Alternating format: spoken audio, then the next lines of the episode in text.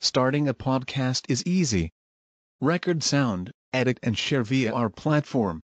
Anchor is the easiest way to create podcasts, Spotify's offering to you. Distribute your podcasts to the most popular listening platforms, including Spotify, Apple Podcasts, Google Podcasts, and more, with just one tap. Download the free app to start your podcast with the versatile platform from Anchor. Thank you. Apa itu khurafat? Dijelaskan oleh Al-Allamah Ibnu Duraid rahimahullahu taala di dalam kitab beliau Al-Istiqaq khurafah ini nama seseorang.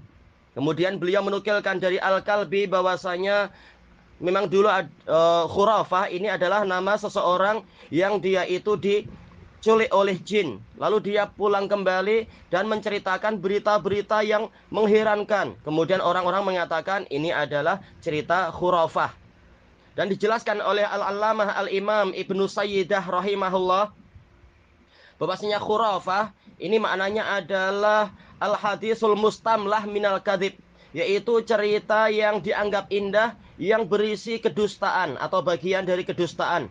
Sebagaimana beliau jelaskan di dalam kitab Al-Muhkam beliau. Demikian pula dijelaskan oleh Al-Allamah Ibnul Manzur rahimahullah di dalam Lisanul Arab yang namanya khurafah adalah al-hadisul mustamlah minal kadhib yaitu cerita yang dianggap indah, dianggap manis, padahal dia adalah kedustaan. Ini sudah jadi istilah orang Arab hadis khurafah, yaitu cerita si khurafah.